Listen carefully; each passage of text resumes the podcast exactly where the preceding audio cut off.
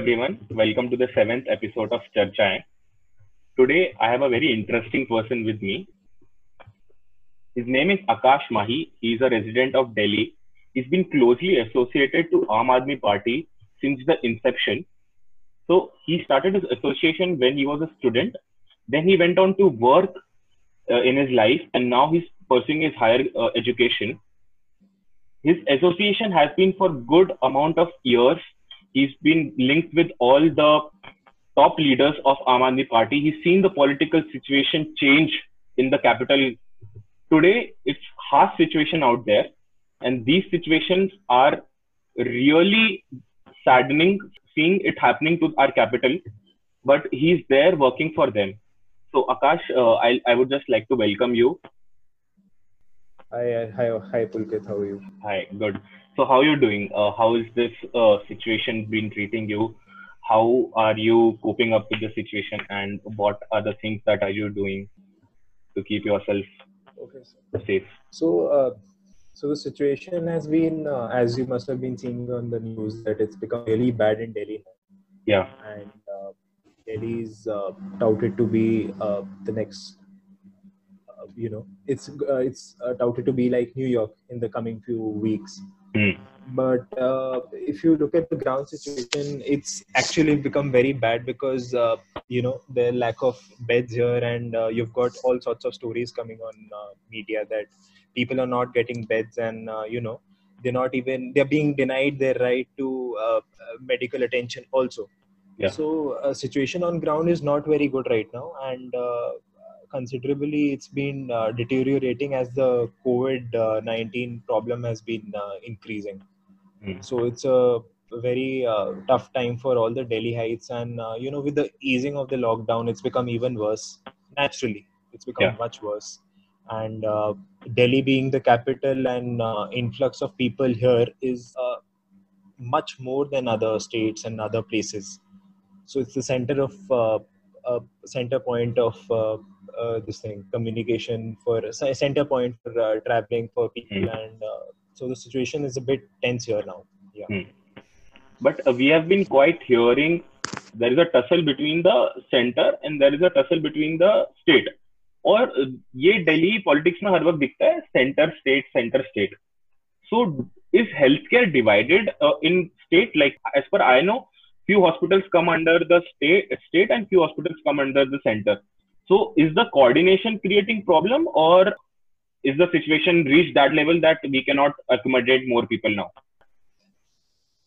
uh, so the problem is uh, so there are just not two uh, representatives as i would call them uh, in delhi there okay. are three right now as of now Okay. One is a Delhi government, of course. Second is central government. Hospitals mm. coming under Delhi government, hospitals coming under central government, and hospitals coming under MCD.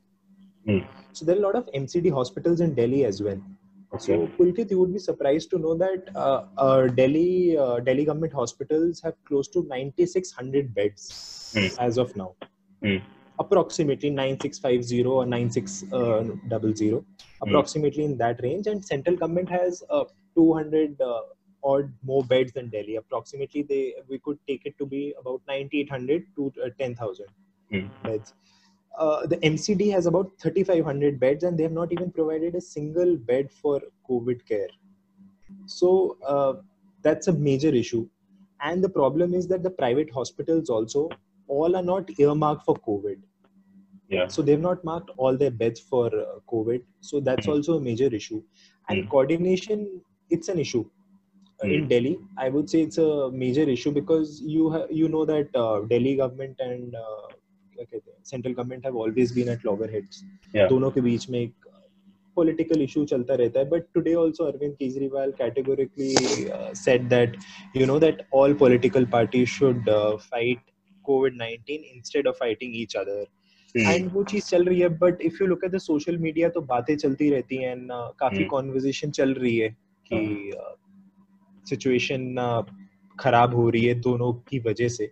But I don't think वो एक main reason है। Main reason ये भी है कि lack of information जो कि लोग जब दी गई है तो लोग बोलते हैं कि एडवर्टीजमेंट करी जा रही है। But hmm.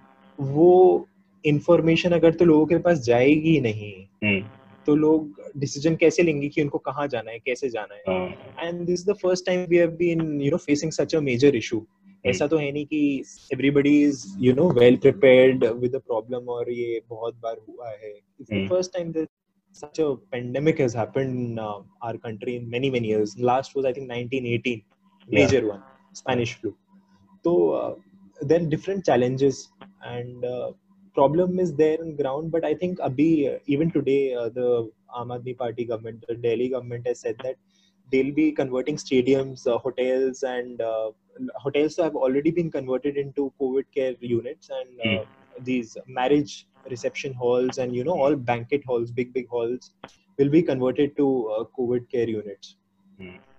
So we hope that it gets better. Uh, all uh, I think Yeah. we uh, more than on the system now we have come to the phase that we start hoping that uh, things get better. So I I want to take you back. So जब Aam Aadmi Party शुरू हुई थी, uh, so we had a conversation about it that you were a student that time.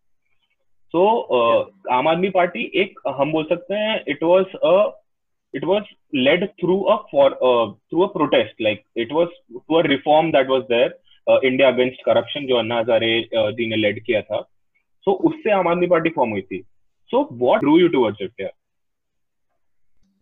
so as you mentioned 2011 में uh, start हुआ था India against corruption movement Hmm, and Anna Hazare ji ne and like you know all uh, impressionable young teenagers I Hmm. was also just I think barely out of school or still in school 12th or just passed out and वो gap होता है ना before uh, going to college and हाँ. uh, just after the school has ended I Hmm. think that time it had started and uh, uh, uh, really you know glued to the television कि क्या हो रहा है ये रोज रोज and we Hmm. would see Mantar में अन्ना हजारे का movement and the whole of country was you know uh, involved in that movement some way or the other and me Hmm. being in Delhi and close uh, it was in a close by uh, nearby place तो फिर हम Hmm. सब वहाँ जाने लग गए देखने लग गए कि हुआ क्या and it's slowly you know that whole uh, uh, feeling resonated कि हाँ this is a this is a movement which we should be a part of we are being a part of history ऐसे ही मज़ाक मज़ाक में मतलब out of interest and curiosity you start going as youngsters but फिर धीरे धीरे the central theme जो था India against corruption because if you remember 2000 उससे पहले जो यूपीए गवर्नमेंट थी उनके hmm. बहुत मेजर स्कैम्स हुए थे और hmm. बहुत there was lot of anger in people against them lot of resentment anger गुस्सा बहुत था। हम्म। सो उस टाइम पे वो पार्टी स्टार्ट हुई और पार्टी नहीं मूवमेंट स्टार्ट हुआ एंड स्लोली स्लोली वो मूवमेंट कब एक पॉलिटिकल पार्टी बन गई and then it all started and बताना चाहूँगा कि 2013 में इनफैक्ट जस्ट आई थिंक 2012 और 13 the Aam Aadmi Party was formed I don't remember the clear date और when it was but I remember 2013 में when Arvind Kejriwal announce that he will be contesting elections now तब around Durga Puja के time पे I was a college student back then I was pursuing journalism तब so I remember we were outside a pandal hmm. एक जी दिल्ली के Greater Kailash area में east of Kailash वहीं पे कहीं। No Chittaranjan Park CR Park CR Park. अच्छा हाँ। सो दुर्गा पूजा के टाइम पे तभी अरविंद केजरीवाल जी वहाँ पे आए एकदम से और हम लोग वहाँ पे ऐसे ही देखने गए हुए थे कि क्या होगा फ्रॉम कॉलेज की दुर्गा पूजा कवर कैसे करते हैं। सो सडनली हमने अरविंद केजरीवाल को देखा I went up to him I was always into sports तो मैं बैरिकेड लगा था तो मैं उसको कूद के चले गया. And I just had a friend उसने अपना फ़ोन ऑन करा। एंड हमने मैंने अपने तुरंत उनसे कुछ सवाल पूछ लिए पेन. पेपर लेके as if I am I pretended to be a journalist which I was not I was studying to be a journalist. तो मेरे फ्रेंड ने वहाँ पे रिकॉर्ड करा और मैंने उनसे बातचीत करनी स्टार्ट कर दी कि आपके Hmm. क्या व्यूज़ हैं this that. And Arvind Kejriwal का हमने फिर ट्रैक रिकॉर्ड नेचुरली आपने किसी का इंटरव्यू लिया तो उनका ट्रैक रिकॉर्ड हमें पता ही था रैमसे Hmm. से मैक्से से आई मीन मैक्से से award winner and IRS officer IITian And his NGO was also pretty famous with all the people who were into social work. तो मुझे उसके Yeah. बारे में ही पता था परिवर्तन नाम था है थोड़े टाइम मैंने उस परिवर्तन जो एनजीओ में उसमें काम भी किया था with Yogendra Yadav ji and Arvind Kejriwal sir. कुछ टाइम मैंने वहाँ पे बिताए थे so. I was a little well versed with what their roles are and क्या करते हैं एंड तो यहीं से मेरी और इंटरेस्ट स्टार्ट हुआ पॉलिटिकल इस पार्टी में एंड जो मेरा लोकल एरिया है जैसे I stay in Chanakyapuri so it comes under Delhi Cantt या दिल्ली कैंट से my friend who stays in Delhi Cantt the, uh, the person who was contesting elections from Delhi Cant was that time Commando Surendra Singh. अच्छा have heard of this. name. Hmm तो वो he was in 2611 operation. He had a hearing loss तब हो गया था. He हाँ. was branded as uh, मतलब and उनको अपने पैसे भी नहीं मिले थे something like that and he happened to be from the same unit as my friend's father. Okay Same uh, army में unit से. So हाँ. my friend was helping him. हाँ my friend was helping him with all the logistics and laptop and uh, Uh. you know all the planning and everything because he was Hmm. not very uh, very educated so he needed Hmm. help Hmm. that time तब से ही मेरा association start हो गया मैंने भी I started pitching in pitching in Hmm. and uh, office जाने लग गया आम आदमी पार्टी का यहीं दिल्ली कैंट में हम्म and slowly slowly uh, you know you get involved Yeah. and uh, बस फिर वहीं से my journey started and uh, तो I remember I think तीन चार महीने बाद कैंपेनिंग के बाद I remember with the same set of friends I was working हम लोग swearing in के लिए फिर रामलीला मैदान फिर से गए थे हाँ so great great journey तब से स्टार्ट हो। सो मतलब आपने तीन स्वेयर इन अटेंड करे मतलब तीन बार हाँ। Kejriwal has sweared in as CM one that the famous AK 47 days that was he. Was the he was the CM then एक full one full term that was 67 seats that he out of 70 and now this year so does a political campaign is being set up? Like क्योंकि अभी बहुत बहुत information है कि BJP uses students from Harvard analytics होता है, social media campaign होता है, ठीक है, ग्राउंड लेवल पे कैंपेन होता है. ठीक है पहले तो मतलब बचपन से तो यही सुनते आए हैं कि पैसे बढ़ते हैं दारू बढ़ती है कभी कभी चिकन बढ़ जाता है और इसलिए वोट्स मिल जाते हैं बट बड़े होके ये रियलाइज़ हुआ कि नहीं उसके पीछे बहुत ज़्यादा एनालिटिक्स भी जाती है और बहुत अ, हर हर समय पे we get people we get to know organization that were involve in helping these political parties so Aam Aadmi Party जो खुद ही सेल्फ फंडेड थी अ, मेरे को याद है अ, केजरीवाल जी ने अ, अपनी साइट पे हर चीज़ हर एक अकाउंट हर एक डोनेशन का इंफॉर्मेशन डाला था।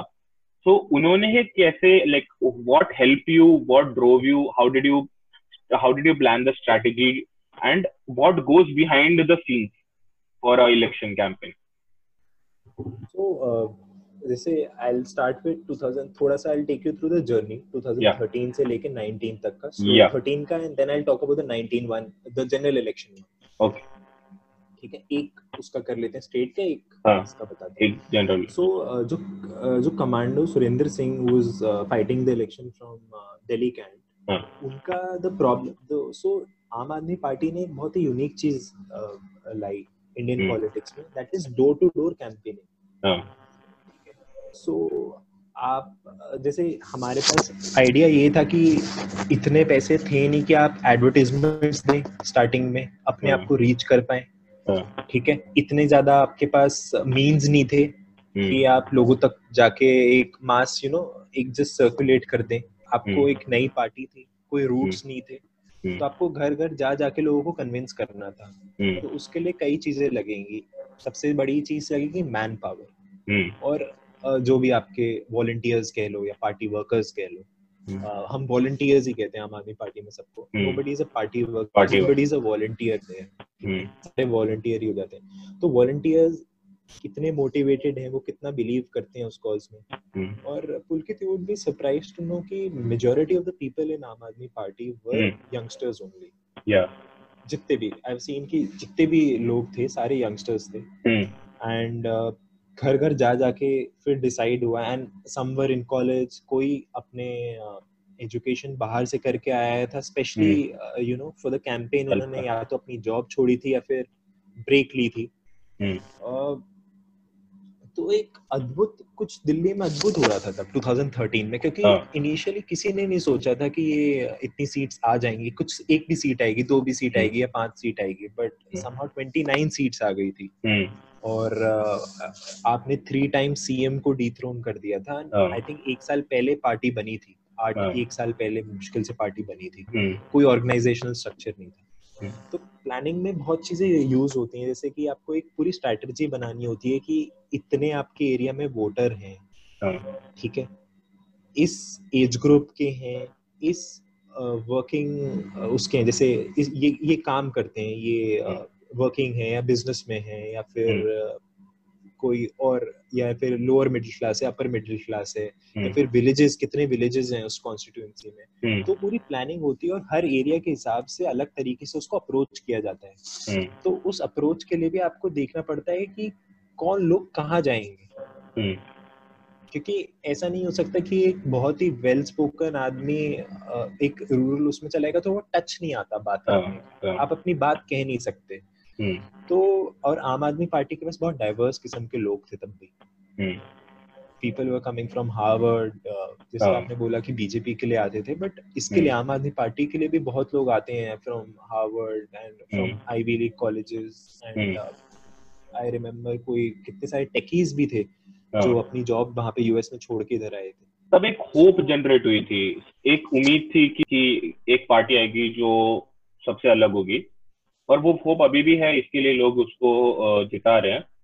So many people joined in I agree so मतलब how how much the social media play in I just brief my audience that you are a strategist और Atishi who fought election from the east zone of Delhi against Gautam Gambhir ठीक है? So Gautam Gambhir was a known face to everyone Atishi was also known but not she was not known nationwide. Delhi people knew Atishi uh, because she was the one who was responsible for the change that was brought in the uh, education system, which was the biggest point uh, that was for uh, Aam Aadmi Party uh, this election. So Atishi had the credibility, but uh, Gautam Gambhir had the name. So what was the social media strategy or what was the various ground ground strategy that were used so uh, Gautam Gambhir का initially तो नाम ही नहीं है basically. For most I think एक महीने के लिए तो we were fighting nameless hmm, जो भी कैंडिडेट तो कोई हम्म। नहीं था and we were quite sure कि गौतम गंभीर भी आएँगे भारतीय जनता पार्टी में बट हाँ। इतना कोई कंफर्म नहीं था and hmm. Gautam Gambhir obviously has represented India and everybody respects him a lot as a cricketer. He's done Hmm. wonders for us. Hmm. But as a अगर तो आप देखें कि आपका लोकल एमपी कौन होना चाहिए अगर तो आप आतिशी की पूरी प्रोफ़ाइल देखें। हम्म, तो इट वाज अगर तो आप सिर्फ़ प्रोफ़ाइल देख के वोट डालते हैं और कामकाज पे डालते हैं पॉलिटिकल एक्सपीरियंस पे डालते हैं सोशल वर्क के तहत आप वोट डालते तो it was a no match but obviously हमने एक चीज़ देखी पूरे कैंपेन के दौरान आतिशी के लिए तो लोगों में बहुत प्यार था आम, आम आदमी पार्टी के लिए भी बहुत प्यार था। उनके काम से लोग बहुत इम्प्रेस्ड भी थे और बहुत इफ़ेक्ट भी करा था पर्सनली क्योंकि बिजली पानी और यही सब बेसिक चीज़ें होती हैं बड़े बड़े वादे तो सब करके आते हैं लेकिन कोई चीज़ इंप्लीमेंट नहीं करता है। In fact even schools had improved a lot hmm, health care भी मोहल्ला clinics and everything had happened काफ़ी कुछ हम्म। अच्छा हुआ था हम्म, बट प्रॉब्लम तब ये हो गई कि लोग voting for the PM. They were selecting a PM.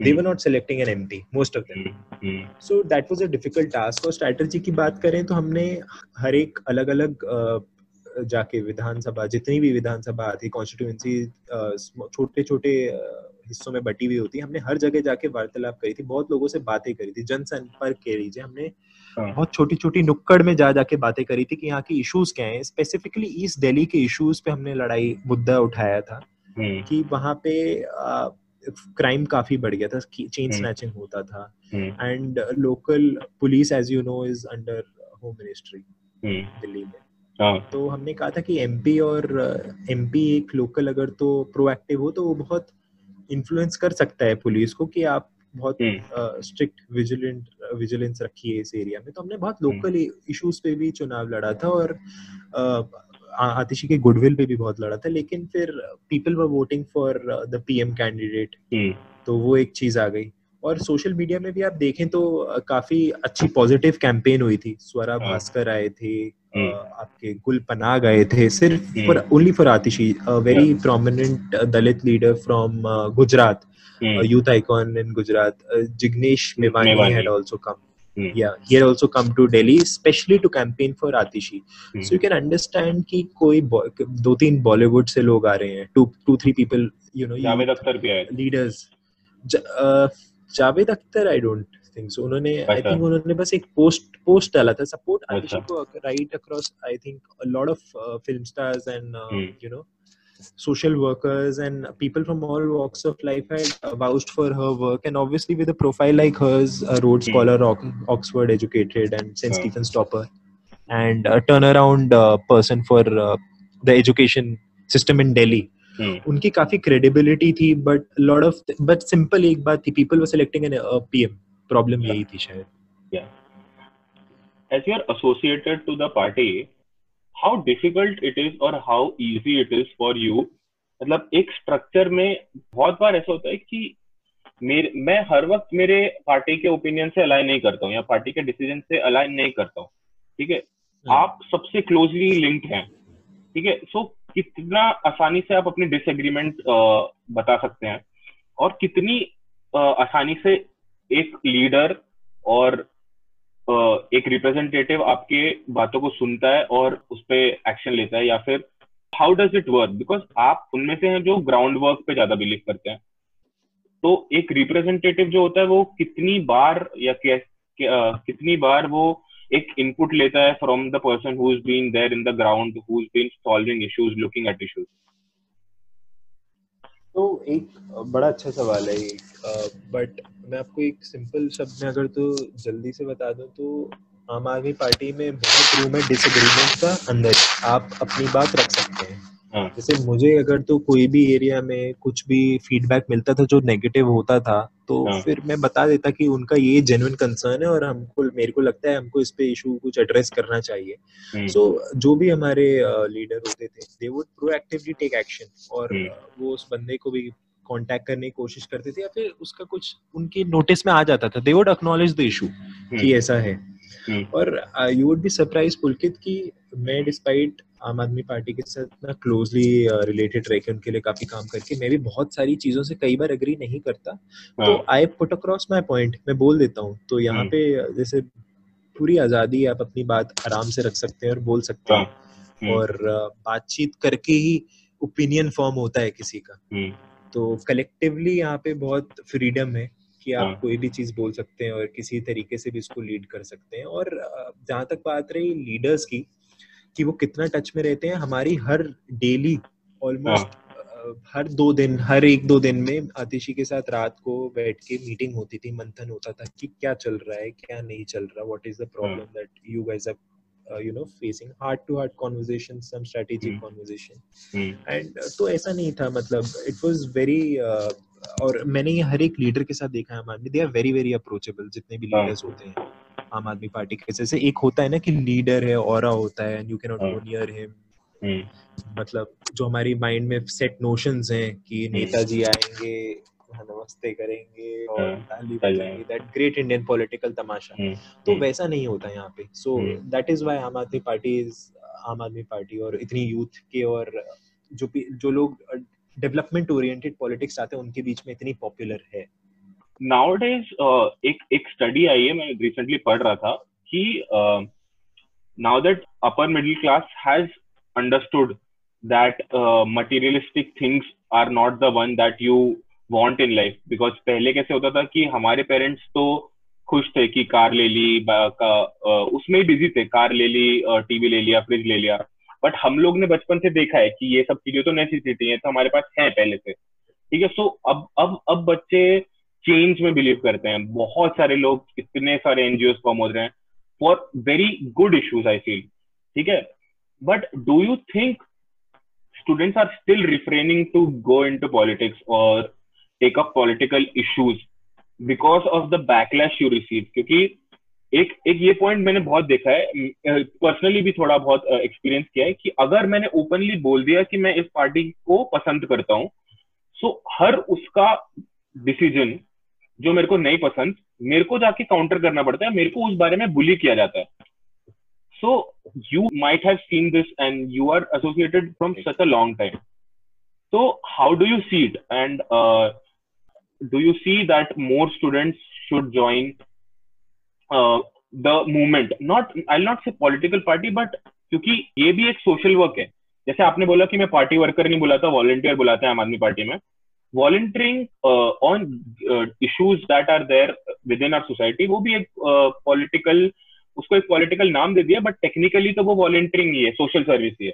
So how do you take these things तो पहले तो इसके रूट कॉज में जाना होगा कि अभी तक पॉलिटिक्स हमारे यहाँ पे होती कैसे आई है स्टूडेंट हाँ. पॉलिटिक्स के लीजिए जैसे आप देख लीजिए दिल्ली यूनिवर्सिटी में भी पॉलिटिक्स हाँ. कैसे होती है जैसे हम्म। मुझे स्लोगनिंग दिल्ली यूनिवर्सिटी की अभी भी याद है कि surname is called out twice and your first name is called out once I will not name that but ऐसे जैसे एक्स एक्स वाई से पहले बार आपका दो बार आपका सरनेम बोलेंगे और फिर वो तो हम्म। वो भी एक हमारी एक इन्फ्लुएंस्ड होते हुए आ रही है जैसे क्योंकि पॉलिटिक्स ऐसी ही होती आई है पहले।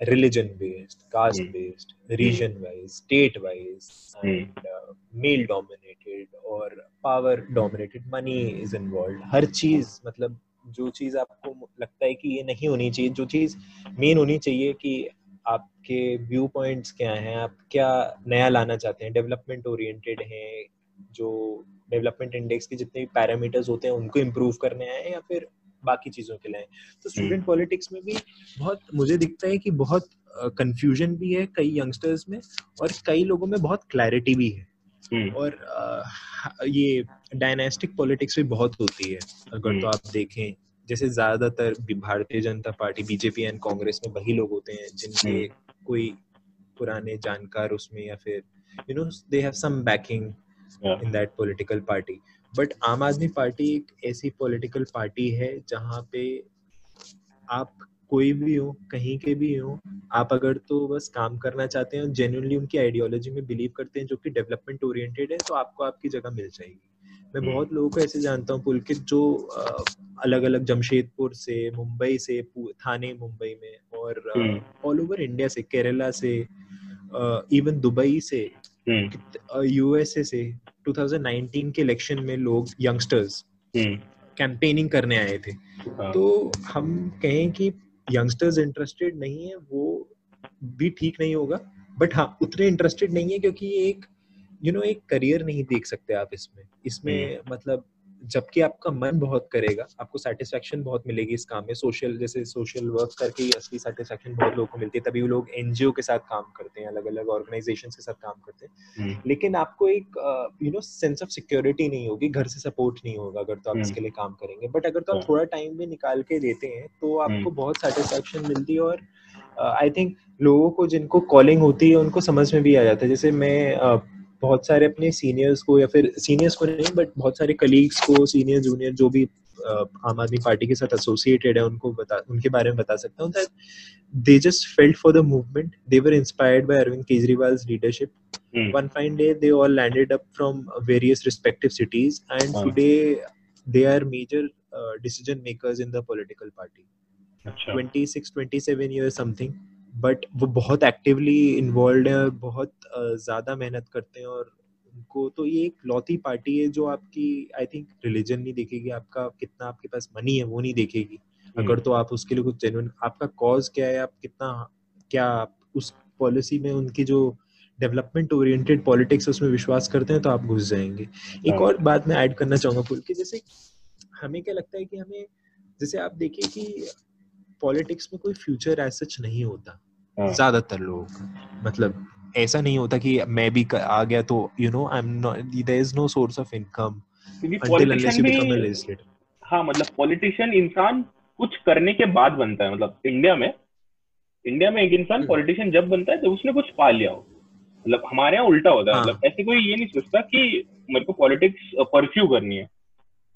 जैसे आप ये भी देखेंगे जैसे यंगस्टर्स की बात है पॉलिटिक्स में पॉलिटिक्स में यंगस्टर्स तो आई थिंक अरविंद केजरीवाल भी यंगस्टर ही है पॉलिटिक्स में। हाँ. तो आप एवरेजेस देखें। हाँ. और जितने भी आम आदमी पार्टी के मैक्सिमम मेजोरिटी लीडर्स हैं even if you look at Atishi Raghav Chadha Raghav Chadha happens to be a CA Raghav Chadha हो गया एंड uh, और बहुत सारे लोग हो गए संजय सिंह भी हो गए और even uh, even leaders like Manish Sisodia, Saurabh Bharadwaj, they are also they are not they're not above yeah they're not above 45 i guess 40 45 yeah. 50 maximum uh, जैसे Manish Sisodia ji is a little elder या 45 50 के आसपास होंगे but बाकी सब ज़्यादातर ज़्यादातर लोग यंग ही हैं इस पॉलिटिकल पार्टी में। हम्म, और इनफैक्ट uh, आप ये देखेंगे कि एडवाइजर्स भी जो हैं पॉलिटिकल पार्टी के आम आदमी पार्टी के वो भी बहुत यंग हैं। हाँ, और अ, जैसे हार्वर्ड से हैं यू यू नो ऑक्सफोर्ड से हैं टेक्सस यूनिवर्सिटी से हैं बहुत अच्छी अच्छी यूनिवर्सिटी से बाहर से भी हैं। इंडिया में भी अपना एक प्लेटफॉर्म है और इनफैक्ट डेली गवर्नमेंट इतनी अपॉर्चुनिटी देती है यंगस्टर्स को to be part of their decision making. I tell you this this DARC fellowship. Delhi Delhi assembly research something I am forgetting the full full name of that DARC fellowship. you mm. anybody who's watching this they can google it up and see if they it interests you. D A R C. Yeah. Dark Fellowship. Mm. And you know, uh, so you're attached with an MLA for Mm. a period of uh, two years, and you work with him in his constituency. And आप उसके area में local decision making में उसको help उनको help करते हैं आपके local MLA को हम्म, तो आम आदमी पार्टी बहुत सारी फेलोशिप्स ऐसी लाती है जिसमें वो यंगस्टर्स को इन्वॉल्व कर रही है एक हम्म। तरीके से और in a paid way also you will be a research associate आपकी डेजिग्नेशन शायद होगी and you will be paid a very handsome salary and uh, Pulkit handsome salary means up to 1 lakh rupees and bare minimum would be 60000 rupees and that's a lot Hmm. for a youngster. Yeah, yeah. and and you will be working actually जैसे NGO में we all know कितना पैसा होता है हाँ, ज़्यादा तो involve होता नहीं मतलब it's a free man job जिसके पास uh, मतलब you do it out of passion and interest but if passion and interest is also being rewarded तो वो बात कहीं और ही चली जाती है। एंड देन यू फील कि हाँ your value for your being paid also you can you know lead all your life because economically if you are not sound तो फिर you know it's a very you can't stay in that game for long तो Aam Aadmi party ने वो change change करी है वो चीज़ और uh, बहुत सारी फेलोशिप्स ऐसी लाई हैं और अपने एडवाइजर्स को भी और uh, बाकी सबको भी ये बहुत ही अच्छी पेरोल में रखा जाता है and they are given their due and आपको बहुत इंटरेस्टिंग काम करने का मौका भी मिलता है मुझे भी बहुत जैसे अ, मैंने इंटरेक्शन मैंने जैसे I done everything door to door campaigning करी है मैंने सभा में अगर तो किसी को वोटर्स को अगर तो उनसे बात करके उनको बताना होता है हमारे एजेंडा क्या है हमारे हम्म। लीडर कौन है क्यों है और आप हम्म। क्यों हमारे लिए कंसिडर करें और I think what is that called flash dancing what is that called जो mob Flash mob. mob dancer. Flash mob flash mob sorry Yeah. flash mob so Hmm. we have done i've done that also so i've Hmm. addressed i've done anchoring of uh, many uh, shows also for them sabha जैसे Hmm. Rally भी होती है वो भी किया है and अलग अलग यात्राओं में भी गए हैं तो हर काम किया है तो मुझे सब कुछ देख के यही पता चला है कि uh, बहुत इंटरेस्टिंग काम होता है और यूथ आना चाहती है एसोसिएट भी होती है सबसे ज़्यादा मैक्सिमम यंगस्टर्स मुझे लगता है अगर तो किसी पॉलिटिकल पार्टी के पास आज की डेट में इंडिया में मैं कहूँगा इंडिया में अगर तो हैं Hmm. are well read, who are passionate, who want to make a difference, वो आम Hmm. आदमी पार्टी के पास ही हैं और are active uh, volunteers and they don't मतलब यहाँ पे हमारी उल्टी सीधी लड़ाई नहीं होती डेवलपमेंट ओरिएंटेड। चीज़ों पे बात होती है तो इनफैक्ट मैं तो पुलकित तुम्हें भी कहूँगा तुम भी आओ ज्वाइन करो sure, why not? so, jab Kejriwal ji aaye, so he tried uh, after winning the Delhi election, he uh, fought elections with uh, against Modi uh, in Lok Sabha for the Varanasi seat. And then after that, there was no uh, national stink that he tried. He focused on De- uh, Delhi. Now that you guys have won two terms, what what future or what expansion plans does आम Aadmi party have right now क्योंकि बहुत सारे cities में Aam Aadmi party can do well but जैसे हर हर city और हर state की politics बहुत अलग होती है। Uh, क्या आम आदमी पार्टी भी एक रीजनल पार्टी रह के रह जाएगी? लाइक मे बी शिवसेना और ए आई डी एम के या बी एस पी और आरजेडी या फिर we are looking at Aam Aadmi party to be national party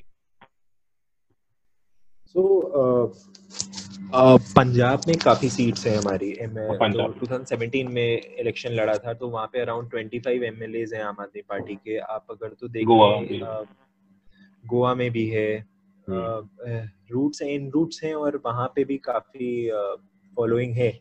and आप अगर तो अक्रॉस इंडिया देखें तो बहुत जगहों पे फॉलोइंग है but I think problem problem नहीं बट uh, एक एक फाइंड को वहाँ के लोकल एक लीडर की करनी होगी जो कि who can be the face also face नहीं लाइक अरविंद केजरीवाल जैसे दिल्ली का ये मेरे को अपने पर्सनली अपने व्यू में लगता है जैसे दिल्ली में people have that you know उनको एक फेस बड़ा इंपॉर्टेंट होता है पॉलिटिक्स में कि हम वोट अरे मोदी के लिए अरे केजरीवाल के लिए करेंगे। इवन दो आम आदमी पार्टी में बहुत पॉपुलर लीडर्स बाकी भी बहुत पॉपुलर लीडर्स हैं अगर तो आप देखें। बट uh, बाकी जगहों पे हमको फेसेस की ज़रूरत है। जैसे आप अगर तो अगर तो आपने रिसेंटली न्यूज़ फॉलो करी होगी मैं शेयर करता हूँ। एक डॉक्टर अजय कुमार है ex IPS and he was a Congress MP from Jharkhand very meritorious police officer youngest recipient of president's police medal for bravery उन्होंने recently Aam Aadmi party join करी और uh, अपने एरिया को वो झारखंड में अपना वो पूरा पॉलिटिकल आम आदमी पार्टी अब काफ़ी डेवलप हो रही है ग्रास रूट हम्म। में अब धीरे धीरे ऐसे ही होगी जब अच्छे हम्म। लोग और ज्वाइन करेंगे जिनको डेवलपमेंट ओरिएंटेड पॉलिटिक्स में इंटरेस्ट है और स्पेशली उनकी अपने रीजन में थोड़ी पकड़ भी है हाँ। धीरे धीरे करके इट इज़ अ प्रोसेस यार Pulkit I be frank with you it is a process थोड़ा टाइम लगता है but Aam Aadmi Party has made inroads और उनकी बहुत फॉलोइंग uh, और लाइकिंग है लोकल हाँ। जगहों पे भी जैसे हम्म। पंजाब में है आई थिंक हम्म। आम आदमी पार्टी की अभी स्ट्रेटेजी ज़्यादातर उन स्टेट्स में ही है जहाँ पे जो नेबरिंग दिल्ली के हैं। वहाँ पे इन रूट्स काफ़ी हमने बना लिए हैं लाइक इन पंजाब काफ़ी अच्छी प्रेजेंस है पच्चीस पच्चीस एम एल ए भी है वहाँ पे और हरियाणा में भी अच्छी प्रेजेंस हो रही है उत्तर हम्म। प्रदेश में which is you know this the way to prime ministership ऐसे कहते हैं। तो वहाँ पे अभी इतना ज़्यादा स्ट्रॉन्ग नहीं है लेकिन वहाँ पे भी बन रहा है। हम्म। और धीरे धीरे करके अभी it takes time I will be frank with you it takes time but expansion plans तो I am hundred percent sure थे आम आदमी पार्टी के अभी भी। But due to the COVID crisis और अभी अभी party had come into power 2020 when suddenly the covid crisis has come. So right mm. now the focus is just on this. And obviously uh, बाकी सब चीज़ें अभी back seat ले ली लेकिन plans हैं और मैं इसके बारे में और अच्छे से बता पाऊँगा जब uh, ये थोड़ा uh, चले जाएगा।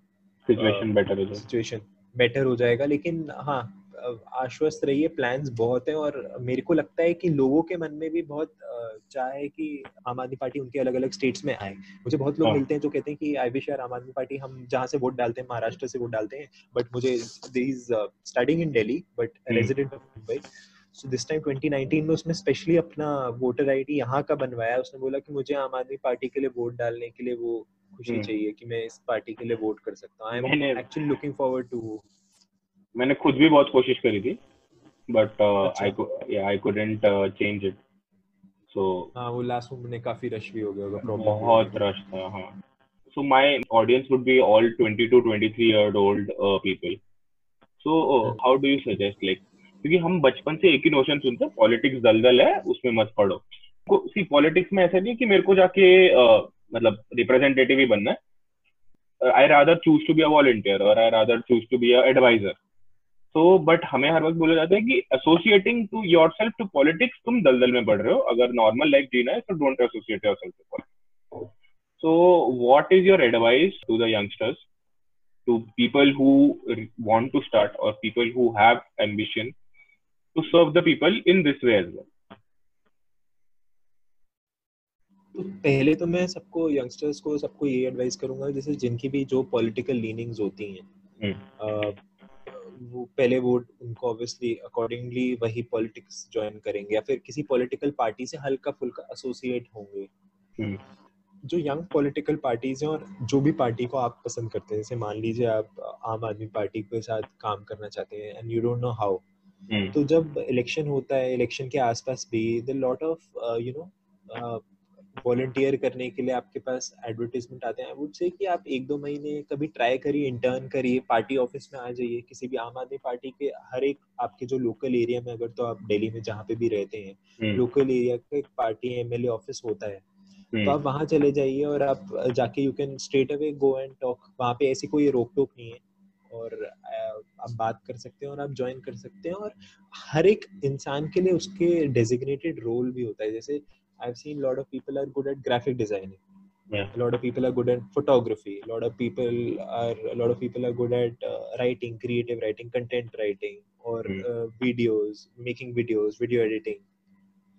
तो हर एक आदमी के लिए उसकी रोल है और आपको बहुत अच्छा एक अपॉर्चुनिटी मिलेगा टू अंडरस्टैंड बेसिकली यार पॉलिटिक्स है क्या है जैसे एक इंसानों की खेती है आपको इंसान को समझना होगा उसकी प्रॉब्लम को समझना होगा और उसको एक आउटकम देना होगा. सोल्यूशन देना होगा उसकी लाइफ हम्म। बेटर करनी होगी तो हम्म। बहुत सेटिस्फैक्शन भी और आपको बहुत लोगों को भी समझने को मिलेगा कि how different dynamics come into place और कैसे चलता है so it can be a very very experience you know you gain maturity you gain understanding of life people on your environment different stakeholders in the society Hmm.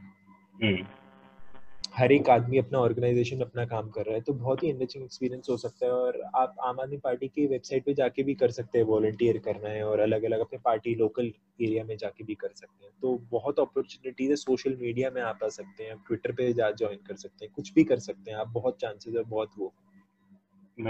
और यही एक लौती party जो आपको कभी मना नहीं करेगी आप कभी भी कोई भी काम करने आ सकते हैं. मतलब this I am telling you from experience like I was barely a college student मतलब यंगस्टर ऐसे चले गया था और मैं तब से तब से करते करते हमेशा से जुड़ा ही रहा। तो दिल्ली और मतलब अदर सिटीज़ में ये डिफरेंस है कि यहाँ की कॉलेज पॉलिटिक्स बिल्कुल कुछ है नहीं। मतलब दिल्ली यूनिवर्सिटी में there is college politics in Pune university और maybe Bombay university maybe even for that matter Bangalore Bangalore Tamil Chennai there there is no politics as such मतलब वहाँ पे कोई इलेक्शन नहीं होता, वहाँ पे कोई स्टूडेंट्स यूनियन नहीं होती। आई में भी बहुत ही बहुत ही मेयर लेवल पे होता है इवन आई में। So I think that is one thing that should be uplifted as a government they should try but they are not because the universities that that come up with student politics they term as a university वो तो अलग ही एक topic है जिसपे हम बात कर सकते हैं। तो मैं इस पे पता है क्या कहता हूँ? जैसे आप देखें ना यूनिवर्सिटी में काफ़ी पॉलिटिक्स होती है एक्टिवली हम्म। बहुत ही जैसे हाँ। डूसू एनएसयूआई एबीवीपी हाँ। नहीं एबीवीपी और क्या डूसू है और आईसिस है आई नहीं नॉट आईसिस आईसा। ऐसा सॉरी इन सब के इन सब के तो ऐसे मतलब रोड पे साइड में उनके सिंबल्स लगे रहते हैं। मतलब तब समझता है कि how strong is Delhi politics Delhi school politics college politics and से कि जैसे आप देखेंगे कितना पैसा पंपिन होता है, इतना मुझे नहीं लगता इतना एक एमएलए इलेक्शन में भी लीगली स्पीकिंग आई थिंक बहुत ही कुछ सौ या हज़ार हज़ार रुपए कुछ थाउज़ेंड रुपीज़ आपको अलाउड होता है to contest in this thing college politics but अगर हाँ। तो आप रियल अमाउंट जानेंगे बोल के तो it goes up to thirty thirty fifty fifty lakhs जो कि एक कैंडिडेट प्रेसिडेंट के लिए लड़ाता है डूसू के इलेक्शंस के लिए स्टूडेंट हम्म। यूनियन के इलेक्शंस के लिए और आप देखेंगे पूरी दिल्ली में ही पूरा सबको पता होता है दिल्ली यूनिवर्सिटी में इलेक्शन हो रहा है तो कितना ज़्यादा वो हम्म।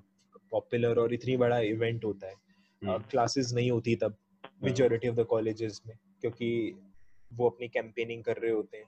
बहुत हम्म। लड़ाई भी होती है हम्म, बहुत मसल पावर भी यूज़ होती है बहुत सारी गाड़ियाँ भी चलती हैं। आपको। लगता ही नहीं कि आप स्टूडेंट्स के साथ डील कर रहे हैं या फिर स्टूडेंट एनवायरनमेंट में आप स्टूडेंट हैं आपको लगेगा ही नहीं। आपको लगेगा कि अ, कोई यू नो बहुत ही मेजर इलेक्शन हो रहा है। तो वो अब डेली पावर होता है बट आई वुड से कि आई एंडोर्स जिस तरीके की पॉलिटिक्स जवाहरलाल नेहरू यूनिवर्सिटी में होती है हम्म। बातों से होती है डिबेट से होती है एक पॉलिटिकल डिस्कोर्स होता है वहाँ पे लोग अपनी बात रखते हैं अपने पक्ष की बात रखते हैं अपने you know they have a certain set ideology and they fight it on issues issue based politics होती है यहाँ पे दिल्ली यूनिवर्सिटी में वैसी नहीं होती और अगर तो आप बाकी स्टेट्स में देखें I think the most politically active and politically uh, you would say aware state in India is uh, Bihar. Bihar Uttar Pradesh Bihar Bihar बहुत ज़्यादा पॉलिटिकली अवेयर है लेकिन फिर वहाँ पे भी इतनी ज़्यादा पॉलिटिक्स वहाँ पे भी काफ़ी होती है। पटना साइंस कॉलेज में काफ़ी अच्छी पॉलिटिक्स होती है। जितने भी पुराने हमारे आई मीन बिहार से जितने भी लेजेंडरी पॉलिटिशियंस हैं वो सारे पटना साइंस कॉलेज से ही बने हैं। इवन। इफ़ यू से शत्रुघ्न सिन्हा uh, अपना अपने Lalu Prasad Yadav and a lot of others सारे पटना साइंस कॉलेज से ही बने लेकिन वहाँ पे भी फिर बहुत रिस्ट्रिक्शंस हो जाती हैं। आई थिंक कि हर एक आदमी वही प्रॉब्लम है ना लेकिन करके क्या होगा? इधर इट इज़ करो या मरो या हम्म। फिर वो कुछ और कर ले और साइड में थोड़ा बहुत ये करा चलता रहा। तो फिर वो हो जाती है और वहाँ पे पॉलिटिक्स का स्टाइल बहुत अलग हो जाता है। तो सिटी वाइज बहुत डिपेंड करता है आपका पॉलिटिक्स का स्टाइल कैसा है। जैसे if you see in Bangalore hmm. Lot of colleges politics banned होती है। जैसे in premier premier college like Christ और। IIMs IIMs I don't think so politics allowed भी होती है। आईआईटी वाईआईटी में भी there's this discussion हो सकती है एक हाँ। सोसाइटी हो सकती है where you हाँ। discuss but as such politics कभी कहीं नहीं होती। क्लब होता है। क्लब होता है। एंड आई थिंक इतने honestly if you ask for my opinion मुझे लगता है कि ऐसे प्रीमियर इंस्टीट्यूट्स में पॉलिटिकल वो होना इज़ नॉट नीडेड मुझे लगता है ऐसा। Hmm. you can have an opinion like uh, hmm. you can have a student body which uh, you know issues statements on certain political events in the country mm. which they already do but uh, i think uh, if you're an engineer studying engineering in iit if you're an mm. engineer if you're doing an uh, engineering course in iit mm. i think uh, आपके पास best of the teachers होंगे best of environment होगा India का पूरा money pumping होगा आप पे पढ़ने पे आपकी पढ़ाई पे इंफ्रास्ट्रक्चर पे तो आपको वहाँ पे पढ़ाई अच्छे से करनी चाहिए और। इनफैक्ट दिल्ली यूनिवर्सिटी में भी यही कहूँगा कि होनी चाहिए politics but it should be more based on student issues ना कि हम्म। भी it should not be a route to mainstream politics जो कि देखा जाता है जो कि देखा जाता है जैसे आप देखें अरुण जेटली और ये सब भी स्टूडेंट लीडर्स रहे अपने टाइम पे बहुत सारे लोग। इवन अलका लांबा वॉज़ या Alka Lamba was also in Aam Aadmi Party now she is I think in Congress she was also student leader Sheila Dikshit was Ajay Maken was and lot of these people were in student politics और ये इसी में थे. But I think it should not be a way for you it should not be a this thing you know a hmm, stairs to climb up to uh, Hmm. central politics. आपको you हाँ. have to work your way up and आपको issue based लड़ना चाहिए कि students को क्या चीज़ effect करती है। आप दिल्ली यूनिवर्सिटी का इंफ्रास्ट्रक्चर अच्छा करवाने के लिए लड़ाई लड़ी है। आप uh, और सेफ़ बनाने के लिए दिल्ली यूनिवर्सिटी को uh, लड़ी लड़ाई लड़ी है फीमेल फीमेल्स के लिए। और इनोवेटिव न्यू कोर्सेज आए या फिर you know something something which affects every student you should not be talking about CA, NRC on uh, मतलब इससे स्टूडेंट्स को कोई फ़र्क नहीं पड़ता एग्जैक्टली exactly, अगर तो आप देखें। और हम्म, आप देखेंगे कि इन जनवरी अभी हम्म, कितने वायलेंट प्रोटेस्ट हुए हैं दिल्ली में। दिल्ली यूनिवर्सिटी में भी काफ़ी लड़ाई झगड़े हुए हैं और इवन ये जेएनयू में तो आपको पता ही है जामिया में एंड एवरीथिंग क्या क्या होता रहता है। So I think politically aware होना अच्छा है बट इशू बेस्ड होनी चाहिए। You should not try and you know overstep the boundary of a, hmm, of being a student you should stick to being a student and you should stick to the issues that concern that uh, uh, local jurisdiction जो आपका उस area का हो गया आपको उसके base पे बात करनी चाहिए मुझे ऐसा लगता है right. मेरा ये ये क्वेश्चन तो क्योंकि मैं भी आंसर करना चाहूँगा बट ये हाँ। क्वेश्चन तो मेरा ये है कि what is one thing you don't like about Aam Aadmi Party what is one thing you want to change about Aam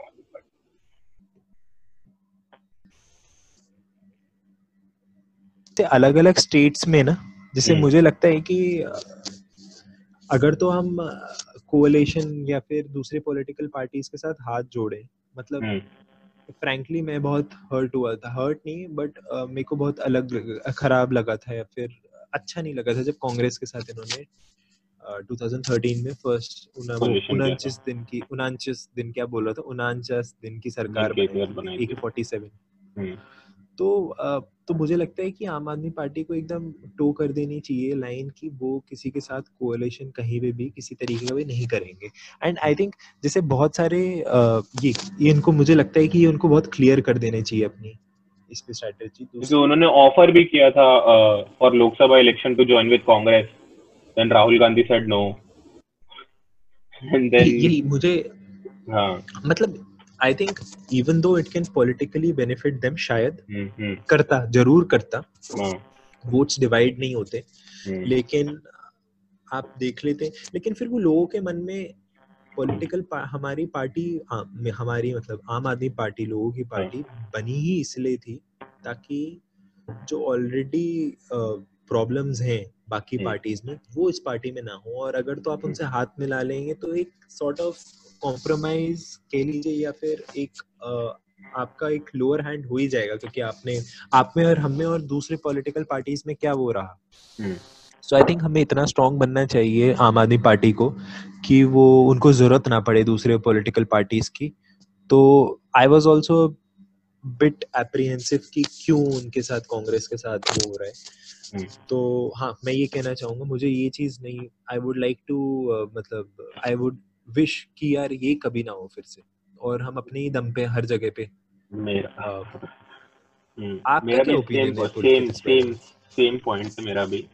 सो मतलब that was not something that went well in general people not me not you yeah. but many people were not happy with the uh, coalition request भी या uh, जो भी था मतलब whatever the situation that was also एक एक और चीज़ है जो मेरे को हर वक्त ऐसा लगता है कि how BJP has been and will be for next five years a party that is run by Modi and Shah okay and they are the they are the supreme leaders of the party तो I just don't I sometimes feel Kejriwal should not reach that level because sometimes when you have success uh, it happens that you just try to take your self decision.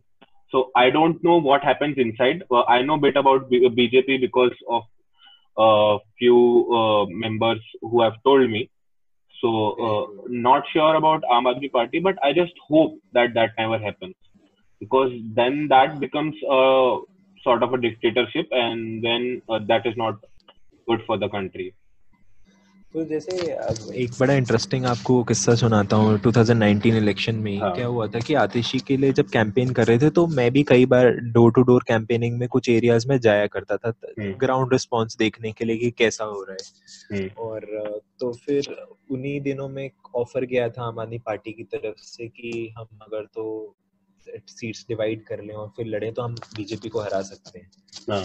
तो this did not go down well with a lot of people और उन्होंने बोला क्या भाई आप में और दूसरों में फ़र्क क्या रह गया आपने भी हाथ मिला लिया आपने भी हाथ हाँ। मिला लिया हाँ। ऐसा हो गया वैसा हो गया तो ये चीज़ें हमने फिर उसी वक्त बहुत जल्दी सर्वे किया था हम्म। एक सर्वे हुआ था हमने मतलब सर्वे घर घर जा जाके बात करी थी कि कैसा हम्म। आपका रिएक्शन है तो हम समझ गए थे कि लोगों का रिएक्शन इतना पॉजिटिव नहीं होगा even hmm. Though number wise politically speaking वो हेल्प करता। हाँ। कांग्रेस को भी करता। हाँ, करता। आम आदमी पार्टी को भी करता।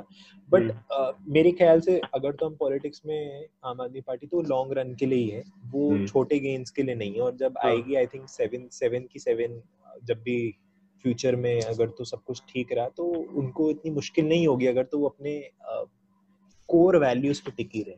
मुझे ये लगता है। हम्म। तो कोर वैल्यूज़ में टिका रहना बहुत ज़रूरी होगा। क्योंकि पुलकित मैं आपको बताऊँ कि इतने लोग हैं इतने लोग कहाँ कहाँ से मतलब Harvard Oxford Stanford and IITs IIMs premier colleges of India abroad you know मतलब हाईली सक्सेसफुल पीपल वो लोग आके आम आदमी पार्टी के साथ काम करते हैं अलग अलग कैपेसिटीज में काम करते हैं कोई ऐप अगर तो कोई टेकी है ऐप बनाता है तो वो ऐप अलग अलग ऐप्स को बनाने लगता है इनोवेशन होती है बहुत। हम्म। और आपको वो होगा कि सी कोई भी सीएम से बात कर सकता है ऐसे मतलब जाके मनोज सिसोदिया जी से भी बात कर सकता है मतलब यू नो मतलब इट डजंट जैसे एक स्टार्टअप होता है ना काम करने के लिए जहाँ पे कोई हायरार्की नहीं होती हम्म। ज़्यादातर ऐसी फील आपको यहाँ पे आ जाती है तो बहुत ही एनरिचिंग एक्सपीरियंस होता है बेस्ट ऑफ़ द ब्रेन्स के साथ काम कर सकते हो हाँ। वो तो है तो ये एक यूनिक चीज़ है मुझे लगता है वही स्टार्टअप पार्ट स्टार्टअप पार्टी है Kejriwal being an IITian. um, so let's hope for the best. मतलब that is the only thing that I feel. और uh, मतलब Aam Aadmi Party has a great future I feel और बहुत लोग जुड़ना चाहेंगे आम आदमी पार्टी से इन फ्यूचर ऑल्सो और सी uh, मेरे हिसाब से क्या है कि one one bad thing that Aam Aadmi Party suffers from is the the situation that Delhi is in as a union territory तो बहुत ज़्यादा कंफ्यूजन है कि एक एक सिटी है जो कैपिटल है, ठीक है, वो एक यूनियन टेरिटरी भी है, उसको एक पार्शियल स्टेट भी बुलाते हैं, उसका एक चीफ मिनिस्टर भी है। उसमें सारे इंडिया के सारे लोकसभा, सारे मंत्री वहीं बैठते हैं, ठीक है, पुलिस जो है वो स्टेट के लिए काम नहीं करती है। बहुत सारे इंस्टीट्यूट इंडिया के सारे इंस्टीट्यूट वहीं पे हैं। आईसीएमआर हो गया एम्स हो गया स्टैटिस्टिक्स हो गया। सो so, बहुत सारी चीज़ें सो so, बहुत ही डिफ़िकल्ट हो जाता है टू अंडरस्टैंड क्या चीज़ किसके अंदर आती है। और उसके बाद इट इज़ और मीडिया आपको पता है कैसी है। तो मीडिया तो दो मिनट में दिल्ली में कुछ भी होता है सबसे पहले और सारी मीडिया डेली बेस्ड है और except for republic and times now Times now also has shifted to the Times Group also has shifted to uh, Noida. How much I know, except for Mirror now and Republic, all all the news channels operate from Noida. तो uh, बहुत आसान है एक एक छोटी चीज़ को pick करना सो uh, इसके लिए जब तक लोग समझ पाते हैं uh, कि what situation the political situation of Delhi is तब तक लोग अपना ओपिनियन बना बना लेते हैं and that is where may be one point where uh, Aam Aadmi Party suffers. Me uh, being able to stay for one and a half year in Delhi has made me realize a lot of things there. And uh, let's hope we can meet in Delhi one day and have more fruitful chats. It was nice talking to you. Same here, Pulkit. Maza aaya